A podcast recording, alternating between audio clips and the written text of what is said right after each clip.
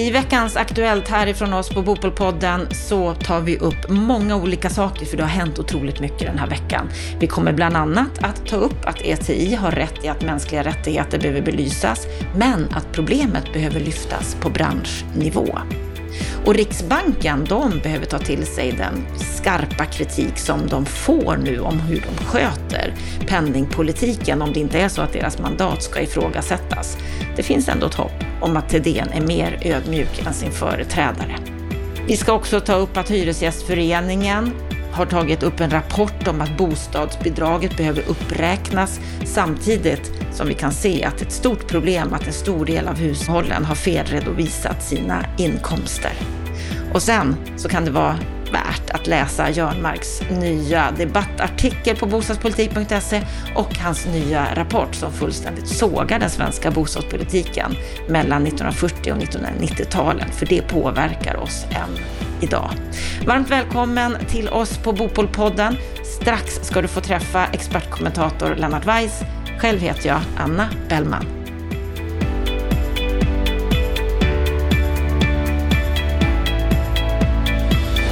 Vi börjar veckans Aktuellt med att byggbranschen har dålig koll på sina inköpspåverkan på mänskliga rättigheter och miljöbrott. Så byggs barnarbete och miljöbrott in i svenska hus. Det är rubriken på en stor genomgång som byggindustrin har gjort. Det här handlar om att branschen ställer vissa krav på materialet de köper in, men när det handlar om flera led av underleverantörer så är de svåra att följa upp och hela reportaget förmedlar en ganska uppgiven känsla från branschen. EU arbetar med flera förslag som kan innebära lagkrav på företag att ta ansvar och Henrik Lindholm som är verksamhetschef på ETI i Sverige, han menar att byggbranschen är en av de sämsta branscherna. ETI står för Ethical Trading Initiative. Ambitionen är att samla aktörer som vill gå i bräschen för att säkerställa etiskt riktiga inköp. Men sedan ETI Sverige etablerades för ett par år sedan så har man inte lyckats få med sig ett enda bolag inom byggsektorn. Ja, Lennart Weiss, vad, vad säger du om det här? Ja, till att börja med kan jag bara konstatera att ETI har aldrig kontaktat Veidekke. Så att eh, då kanske någonting faller tillbaka på dem själva också. Vad gäller den allmänna problemanalysen så delar jag den. Men man kan också vända på den och säga att eh, om man säger att byggbranschen är en av de värsta så kan man också säga, vilket han också gör i intervjun, att byggbranschen är en av de som har de mest komplexa utmaningarna. För därför att det ansvar som han hänvisar till går ju tillbaka ända till råvaru, så att säga, eh, komponenten. Vi, säger då alltså att, att, att elsladdar som innehåller koppar bryts i en gruva i Kongo. Och då blir frågan hur ska branschen kunna säkerställa att man inte använder sig av barnarbete där? Det är ju liksom själva grundfrågan. Och det tror jag vem som helst förstår att det är ganska svårt att hantera för en inköpsorganisation i Sverige. Jag har själv varit på den här frågan eh, efter det att vi hade ett beställarkrav på ett uppdrag här i Stockholm och så tog vi in de bästa konsulterna vi hade i Sverige. Och då fick vi till svar med hänvisning till hur H&M arbetar att det enda vi kan göra egentligen det är att kravställa nedströms och sen kräva återrapportering uppströms, alltså dokumentstyrning som, som då ska ha någon sorts självsanerande effekt på lång sikt. Möjligen kompletterat med att man då och då gör eh, visuella okulära kontroller. Man åker dit och kollar och det har ju Veidekke gjort vid några fall. Till exempel när vi då köpte granitsten från Kina så åkte vi dit två gånger för att kolla att man inte använde sig av barnarbete. Men det här är en extremt komplex fråga. Jag delar hans allmänna oro för den här problematiken, men jag tror inte att den kan lösas på företagsnivå. Jag tror att den här måste lösas på branschnivå. Och jag skulle alltså vilja uppmana ETI att öka insatserna gentemot byggföretagen, installationsföretagen och, och eh, kanske om det finns andra branschorganisationer som har en betydelse här. Därför att med tanke på hur fragmentiserad den här branschen är så skulle det vara helt omöjligt att eh, byggföretagen själva eller deras viktigaste underleverantörer skulle hantera det här. Det här måste hanteras på en annan generell nivå. Annars är det, blir det liksom, ja, det blir någon typ av eh, avancerad whitewashing. Man, man, skriver liksom snygga policies men i praktiken så har man inte några stö- eh, mera operativa handfasta verktyg att komma till rätta med problemet. Upplever du att, eh, att det pratas om det här i branschen? Finns det en öppning för det här samarbetet? Ja, alltså man kan väl säga så här att temat arbetslivsrelaterad kriminalitet har ju kommit upp på tapeten. Men då pratar vi ju i första hand med koppling till brott mot kollektivavtal och svenska lagar och regler. Det vill säga att gubbarna får sina löner och trygghetsförsäkringar tillgodosedda respektive att samhället får sina avgifter och skatter betalda. Det här med, med koppling till CSR-krav, det finns ju uppe. Jag menar det är många företag som jobbar med FNs hållbarhetsmål och eh, ILO-konventionen och, och vad det nu är och skriver in policies. Men problemet är ju precis det som Henrik Lindholm eh, åberopar här, att det är en så extremt fragmentiserad bransch med så många led att det är i praktiken väldigt svårt att överblicka det här. Och eh, då tycker jag han gör lite lätt för sig liksom, genom att bara säga att för, branschen är inte intresserad. Ja, men det beror på att det här är extremt svårgripbart. Han har ju inget råd till hur vi ska hantera det här på någon sorts eh, generellt sätt. Eh, utan jag tror att eh, då måste man skapa någon typ av inköps styrning ifrån branschsidan som stöttar branschen att åka runt i världen och att helt enkelt eh, uppfostra och kultivera de leverantörer som man i större utsträckning använder. Jag, jag, jag begriper inte hur det ska gå till annars, ärligt talat.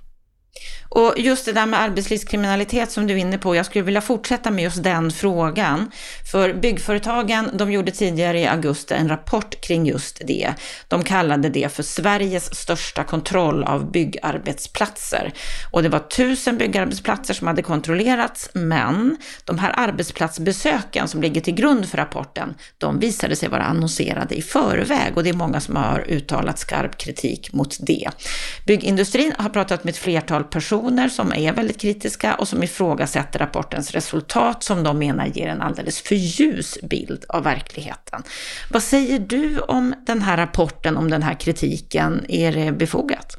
Jag skrev faktiskt själv en krönika med anledning av byggföretagens eh, utspel här i somras. Jag skrev den medvetet diplomatiskt därför att eh, jag uppfattade det man sa i något eh, talminus där som närmast ett klavertramp. Man gav uttryck från byggföretagens sida att deras undersökning visade att problemen inte var så allvarliga som en del har velat påskina. Vilket ju är rent nonsens. Men, men eftersom jag tror att det, det, det ändå var ett, ett, ett, misstag i sammanhanget. Därför att eh, för det första så är det ju så här att det som den här undersökningen, arbetsplatsförlagda undersökningen har fångat, det är ju hur ser inloggningsfrekvensen ut? Har man gått igenom Safe Construction-utbildningen? hur ser förekomsten av korrekt inskrivning av företag och så vidare ut? Och det, det fångar naturligtvis ett lager av de problem vi pratar om. Men kom ihåg att vi pratar också om kriminalitet, vilket kräver att man kollar, gör registerkontroller i Acta Publica. Vi, vi pratar om hur bolagen beter sig när det gäller löneutbetalningar och det vet vi att det är ett jätteproblem med att man inte ger gubbarna ens korrekt lön från början, de är så kallade 70-procentare. De stämplas alltså som att de har mindre än ett års yrkeserfarenhet, ofta upp till 50-60 procent av arbetsstyrkan, vilket är ett enormt problem. Man betalar inte fullt ut trygghetsförsäkringar, man betalar inte pensioner, man är här med felaktiga A1-intyg etc. etc. Den typen av problem fångar ju inte BFs analys överhuvudtaget. Så att hur man liksom kunde gå ut och säga att den här undersökningen visade att det var ordning och reda, Ja, det är så dumt så det är ofattbart. Men jag valde att skriva det här snällt och jag delar kritikernas uppfattning och jag är ganska säker på att BF insåg att de trampade i klaveret. Och naturligtvis är ju en komponent i det hela att när man hänvisar dessutom till föranmälda besök så säger det sig självt att då hinner man ju liksom snygga till i den mån det fanns avvikelser. Oanmälda besök som till exempel Rättvist byggande har genomfört i stor utsträckning kring samma typ av problem som då BF refererar till visar ju en helt annan bild. Så här gjorde byggföretagen bort sig, men jag tror att de har insett det och eh, lite snyggt och fint gör en reträtt i det här och då behöver vi inte orda mer om det. Det behöver vi inte, men vi kan gå vidare till en annan organisation eller myndighet som har fått skarp kritik från akademiskt håll i veckan, nämligen Riksbanken. Professor Bo Rothstein, han började med att skriva på DN Debatt under rubriken En riksbank som inget vet förtjänar ingen självständighet. Han menar att myndigheters självstyrning grundas i att de ska ha hög kompetens, men Riksbanken vet inte ens att förklara varför den svenska kronan har försvagats. Detta reser frågan om varför Riksbanken alls ska anförtros självständighet när man enligt egen och ledande ekonomiforskares utsagor saknar säkerställd kunskap om de uppgifter man har att lösa, skriver han i sin debattartikel. Vad säger du, Lennart, om professor Bo Rothsteins kritik? Att det här är ytterligare ett av inlägg i raden som ifrågasätter Riksbankens allsidighet när det gäller olika typer av frågor. Vi kan ju fundera på varför riksdagen själv tillsatte en utredning om Riksbankens eh, direktiv och, och eh, penningpolitiska policies som förvisso slutade i ganska milda förslag till förändringar men som ändå var en knäpp på näsan när det gäller Riksbankens hantering av sambandet penningpolitik och makroekonomiska risker. Och sen har du hela kritiken som de har blivit utsatta för under en följd av år när det gäller beskrivningen av risker med koppling till hushållens skuldsättning och så vidare. Där inte minst vi då här på Bopolpodden har varit starkt kritiska, men också en lång rad ekonomer. Och jag skulle vilja säga så här att eh, den här tendensen kommer att eh, öka i omfattning om inte Riksbanken så att säga skärper sig. Om vi tar hela debatten om hushållens skuldsättning så är det ju minst sagt hög tid att man också redovisar de invändningar som kommer mot Riksbankens och Finansinspektionens utsagor och ger, skapar utrymme, breder mark för en allsidig diskussion om det hela. I just den frågan så tycker jag att Erik Thedéen fortsätter i samma hjulspår som han, var, som, som han körde på Finansinspektionen. Det är inte så bra, men när det gäller de, de frågor som Jonung och Rothstein tar upp så har jag nog goda förhoppningar om att Thedéen kommer att inta en mindre dogmatisk hållning än Ingves. För Ingves blev väldigt dogmatisk när han inte fick det fulla uppdraget för för makroöversynen, eh, för makrotillsynen, utan då reagerade han ju trots och sa att ja, ja, får vi inte Får vi inte alla verktyg i verktygslådan, då kommer vi fokusera på en sak, nämligen se till att inflationen hålls på rätt nivå och då drev han en tämligen huvudlös politik med, noll, med, med minusräntepolitik och så vidare. Och, och, det är det som biter oss i svansen nu då. Så att eh, det förutsätter att, eh, att Riksbanken tar det här på allvar och gör en djupare omprövning om hur man ser på sitt mandat. Annars så skulle jag vilja påstå att hela den här politiska inriktningen vi haft de sista 30-40 åren, att flytta ansvar från politik till myndigheter, är ett misslyckande och då kommer politiken till slut att dra tillbaka mandat. Där är vi inte nu, men man kan hamna där om, om den här typen av enkelspåriga beteende och, som präglas av skygglappar om det fortsätter. Men jag tror att idén kommer att bli en bättre riksbankschef än Ingves. Han kommer att kunna ta till sig av kritiken och göra någonting åt. Ja, han är inte en lika prestigefylld person rent allmänt. Och jag tycker att Riksbankens direktion rent allmänt är mer balanserat sammansatt numera också, så jag hoppas på en, en tillnykter och självprövning. Och sånt görs ju aldrig offentligt i vårt land, utan det görs ju först i efterhand så kommer det något uttalande som visar att man har gjort en självprövning. Jag tror och hoppas att det kommer att ske i det här fallet också, för penningpolitiken har varit alldeles för dogmatisk och, eh, och, och, och, och halsstarrig i vissa avseenden. Vi ska gå vidare här i veckans Aktuellt med en rapport som Hyresgästföreningen kom med i veckan som bland annat behandlar bostadsbidraget. Hyresgästföreningen menar till att börja med att bidraget är alldeles för lågt, att det inte har hängt med i kostnadsutvecklingen, vilket gör att allt färre är berättigade till bidrag. 1997 då fick 8 procent av hushållen bostadsbidrag, men idag är siffran bara 4 och en annan aspekt som de lyfter i sin rapport, det är att 37 procent av de som fick bidrag 2021, de blev återbetalningsskyldiga. Och det beror bland annat på att hushållen själv ska uppge en uppskattning av sin årsinkomst, vilket för många hushåll är väldigt svårt enligt Hyresgästföreningen. Och för de som bor i sammanboende hushåll så var det för ett par år sedan så många som 48 procent som förväntades bli återbetalningsskyldiga. Och vad säger du om det här, Lenn annat, att det är så många som 48 procent som blir återbetalningsskyldiga? Ja, det är ju ett bekymmer. Det skulle man ju vilja gräva lite djupare i. Så sent som igår kväll så var det ju ett inslag om omfattningen på bidragsfusk i största allmänhet. Och det uppgår ju uppenbarligen till enorma belopp. Då talade man om ungefär 15 miljarder per år i felaktigt utbetalda eh, bidrag från Försäkringskassan. Vad det här egentligen beror på, om det är medvetet fusk eller om det är administrativa svårigheter, om det är svårt att fylla i, det vet inte jag. Så jag har svårt att uttala mig om det, men jag tycker att det är ett problem därför att för att så att säga den här typen av system ska ha legitimitet så ska man naturligtvis också säkerställa att det inte förekommer fusk. Så det är ett, bekymmer. Men i den första delen som rör bostadsbidragets nivå så håller jag ju med Hyresgästföreningen att vi, har ju ännu inte, vi är ju ännu inte ens i närheten av att ha återställt bostadsbidraget till den nivå vi hade innan sänkningarna kom på 90-talet i samband med de stora budgetsaneringarna.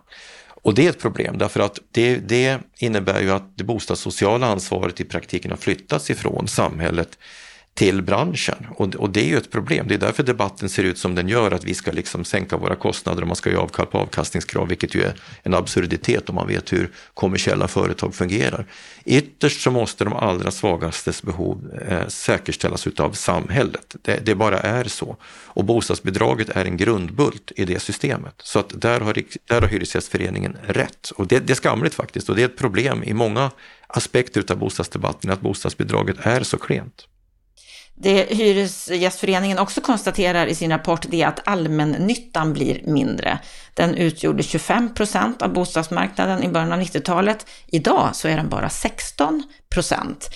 Olof Karlsson som är utredare på Hyresgästföreningen och rapportförfattare, han säger så här, att de allmännyttiga bostadsbolagen är inte bara uppskattade hyresvärdar och tusentals hyresgäster, de är också ett av våra mest kraftfulla bostadssociala verktyg som nu sakta monteras ner. Håller du med om det, Lennart? Är det ett problem att allmännyttorna minskar? Ja, alltså rent allmänt, hyresrätten spelar ju en viktig roll i vår bostadsmarknad. Den, den erbjuder ju valfrihet, den erbjuder möjligheter att flytta till ett boende utan att liksom göra en kapitalinsats. Så att i, i den meningen så, så är hyresrätten viktig och det är ingen tvekan om heller att allmännyttan så att säga balanserar och stabiliserar marknaden på många ställen och förekommer på många platser också att man är en motor i bostadsbyggandet och, det är ju bra. Men, men den viktiga frågan här, den är ju höljd i dunkel. Varför backar de? Jo, därför att de är finansiellt svaga. Till följd av, av hur man själva så att säga hanterar sin intäktssida, hyr, hyrorna helt enkelt, så har man ju varit underfinansierade på drifts och underhållssidan. Och då har man ju till slut insett att vi klarar inte av att underhålla våra fastigheter som vi ska med de hyresökningar vi får. Då har man valt att sälja för att den vägen stärka sin balansräkning och satsa på delar av sitt bestånd. Det är så orsakskedjan ser ut. Och då är det bra att man levererar en lösning på det. Då. Det, det är så problemet ser ut. Så antingen får man väl helt enkelt se till att höja hyrorna i takt med att beståndet eh, får ett underhållsbehov. Eller så tvingas man ju då eh, komma på andra lösningar och att staten skulle skicka ut någon sorts allmän frälsarkrans har jag svårt att tro. Utan det rimliga är att man försöker se till att bruksvärdessystemet fungerar, det vill säga hyrorna reflekterar bruksvärdet att de räknas upp med de kostnadsökningar som sker och finns det då hyresgäster som inte kan betala sina hyror, då ska man se till att man får, får bostadsbidrag. Så vi är tillbaka till bostadsbidraget som är en viktig komponent för hur hela marknaden fungerar. Alltså vad säger du då om, om allmännyttornas roll när det gäller just det bostadssociala engagemanget, att, att det är ett bra verktyg för att fler ska komma in på marknaden? Jo, det är inget tvivel om att de tar eh, ofta ett större ansvar än de privata värdarna för till exempel för sociala förturer. Där, där fyller de en viktig roll, men det är också en del av problemet. Därför att för att allmännyttan ska kunna vara en boendeform för alla så får det inte bli en avskärpningsplats för socialgrupp 4 om jag uttrycker mig lite vanvördigt, utan då måste man ju kunna erbjuda boende för olika konsumentgrupper där skulle man ju önska att, att, att eh, ansvaret för de bostadssociala frågorna tas bredare och jag tror ju numera att det behövs en, en särskild, eh, särskilda lösningar för, för gruppen hemlösa och sådana som har en extremt svag position. Och det kräver någon typ av samhällsingripande. Men rent allmänt så är det naturligtvis ett faktum att allmännyttan har tagit ett större bostadssocialt ansvar än, än de privata värdarna i generell bemärkelse, även om det finns undantag, många undantag på den privata sidan också. Vi ska gå vidare till en krönika som nu i veckan har publicerats på bostadspolitik.se som Jan Jörnmark har skrivit, där han fullständigt sågar den svenska bostadspolitiken mellan 1940 och 1990-talen och som ger en förklaring till att bostadspriserna har stigit väldigt mycket i storstäderna medan de inte alls har hängt med på landsbygden. Han menar att det byggdes alldeles för lite i storstäderna och för mycket på landsbygden under den här perioden. I kommuner med färre än 30 000 invånare så byggdes det under en period 3,5 bostäder för varje inflyttad person, medan det i storstadsområdena byggdes 0,5 bostad per inflyttad person. Hur ser du på Jörnmarks resonemang, Lennart? Ja, jag var ju eh, inkallad som kommentator och jag vet inte om det kallas opponent också möjligen, på ett seminarium på Ratio bara för en dryg vecka sedan om den här eh, rapporten som är väldigt välskriven. Den har förutsättning att bli ett sånt där eh, klassiskt inlägg i debatten om svensk bostadsmarknad. Rent allmänt så, så är jag väldigt positiv till, till hans text eftersom jag ju själv kom in i, i bostadsbranschen på slutet av den era han kritiserar så kan jag ju själv vittna om hur det fungerade när länsbostadsnämnderna fördelade ut finansiella kvoter för hur mycket som skulle byggas. Och, och en komponent i det gamla systemet var ju att det, det skedde väldigt starka påtryckningar ifrån kommunerna och eh, regionerna, på den tiden då länsstyrelse och landsting, att man skulle så att säga höja, få, få högre kvoter från länsbostadsnämnden de kvoterna, de resonemangen var mera ett utlopp för kommunernas önsketänkande om en framtida befolkningstillväxt snarare om hur marknadsekonomin fungerade, vilket gjorde att man fick tilldelning av finansiella resurser i regioner som i praktiken redan var på ekonomisk tillbakagång och att storstäderna sattes på svältkost. Så att i det avseendet har han helt rätt. Och, och, och, det gjorde ju, och det var ju ett av flera skäl till att systemet hade överlevt sig själv. Det var nödvändigt att reformera det. Det finns ju också en kostnadsaspekt på det som man ju glömmer bort i det här. Robert Boye har ju räknat ut att om du skulle liksom applicera 1985 års bostadspolitik på dagens ekonomi, alltså räkna eh, alltså till dagens dagspris, så skulle det kosta 3,4 procent av BNP eh, och, och, närmare 200 miljarder per år. Det sägs ju självt att eh, den, den ekvationen skulle vara omöjlig att leverera idag.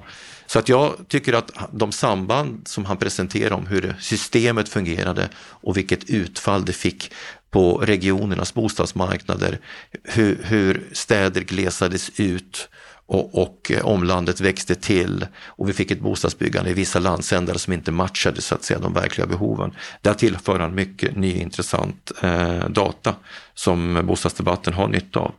Kommer vi att ta lärdomar av det här? Ja, det tror jag.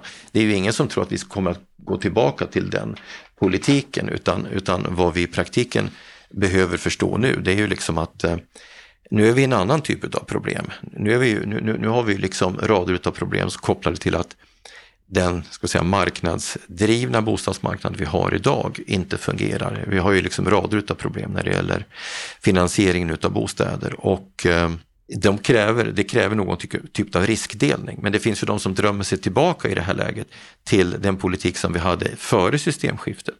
Och, och, och de som hoppas och tror på det, de bör läsa Jörnmarks skrift och de bör även läsa Mats Rönnholms eh, text, Rönnbergs text, alltså Staten fick Svarte Petter, en ESO-rapport som kom 2001. De här två skrifterna ihop är ju oerhört övertygande argument, ger ju oerhört övertygande argument för varför den gamla politiken körde in i en återvändsgränd. Nu måste man tänka nytt, men man måste också tänka nytt utifrån de problem som den politik som följde därefter har skapat. Formeln framåt är någon typ av riskdelning och sättet att designa det, det återstår ännu fortfarande att göra. Och vi kan ju, precis som du säger, vi kan ju fortfarande se resultat av den politiken som fördes förr och att det var så otroligt stort byggande på landsbygden. I Laxå kommun så erbjuder det kommunala bostadsbolaget Laxåhem bostäder till arbetslösa och de behöver bara betala en månadshyra på en krona. De får dock ett motkrav och det är att de går en utbildning och förhoppningen är att de ska få jobb och sen bli kvar och betala skatt och en normal hyra i Laxå. Hur ser du på det initiativet? Ja, det är ju väldigt vällovligt utifrån ett eh, bostadssocialt perspektiv och, och, och, kanske socialpolitiskt i största allmänhet för att eh, man kan ju tänka sig då att det är grupper som har haft någon typ av psykosocial eller kanske drogrelaterad problematik och, och, och eh, ska tillbaka till samhället. De har bestämt sig för att ta itu med sina problem. De går i terapi och kanske drogavvänjning och då är boendet en del av problemet. Det, det, är sånt som den här stödboendebranschen håller på med. Och kan ett kommunalt bostadsbolag hjälpa till där så är det utmärkt. Jag bara tänker liksom för mig själv, hur funkar det rent fastighetsekonomiskt? Hur du får ju inga intäkter. Vad händer liksom med, med, eh, med, med det kommunala bolagets eh, balansräkning? Jag men jag gissar att det här handlar ändå om bara några fåtal individer, kanske 10-20 stycken och då, då är det ju en, kanske en, helt enkelt ett hjälp till kommunens socialförvaltning och det är svårt att vara kritisk till det. Har man utrymme att göra det så är det ju alldeles utmärkt. Jag skulle vilja att vi avslutar veckans Aktuellt med Bopool live. För dig som lyssnar regelbundet på oss, du vet ju att Bopolpodden är en del av bostadspolitik.se och i början på det här året då lanserade vi ett nytt typ av event som heter då Bopol live som blev väldigt, väldigt uppskattat. Nu är det klart att vi kommer att ta Bopol live till Göteborg, till Elitpark Avenue Hotel den 28 november. Syftet det är att det här är en ny arena, en mötesplats där utvecklare, politiker ska kunna träffa varandra och verkligen få givande diskussioner. Är det inte härligt Lennart att vi kommer till Göteborg egentligen? Verkligen, och jag ser fram emot det där eventet. Ehm, jag tror att det kan bli väldigt spännande och vitalt på många olika sätt för att landets framsida har, lite, har, har delvis andra problem än Stockholmsregionen. Så det ska bli kul att sätta tänderna i det och möta de lokala aktörerna i Göteborgsregionen. Mm. Så du som tillhör Göteborgsregionen eller där omkring, jag hoppas att du vill komma och träffa oss den 28 november. Gå in på bostadspolitik.se så kan du läsa mer. Och vi på Bopolpodden är ju tillbaka på måndag igen med ett fördjupat samtal om hyrköpsmodeller och möjligheten att få deläga. Är det ett bra sätt för att fler ska kunna äga sitt boende och vad krävs för att det verkligen ska kunna få fart? För än så länge är det ju i sin linda skulle man kunna säga.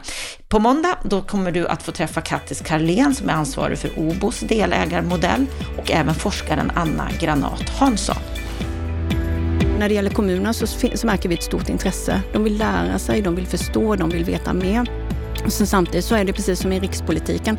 Det är en förhandling i det mesta och det är svåra lägen. Men har man någon ambition om att ändå försöka tillrättalägga för fler att kunna ta ett insteg på den ägda sidan, i vårt fall då, så är ju vi där för att beskriva att det här är en möjlighet om man säger för att sänka tröskeln till det ägda boendet. Ja, där får man ju också vara medveten om att det är många som ser det här som en ventil på en sämre fungerande bostadsmarknad. Att många önskar att det här inte skulle behövas. Ja, precis som eh, Kattis och Anna säger här så behövs det mycket för att det här verkligen ska flyga. Många önskar ju att det här inte skulle behövas, men kanske är det precis det det gör. Lyssna gärna in samtalet på måndag. Fram till dess så önskar vi dig en riktigt trevlig och solig helg.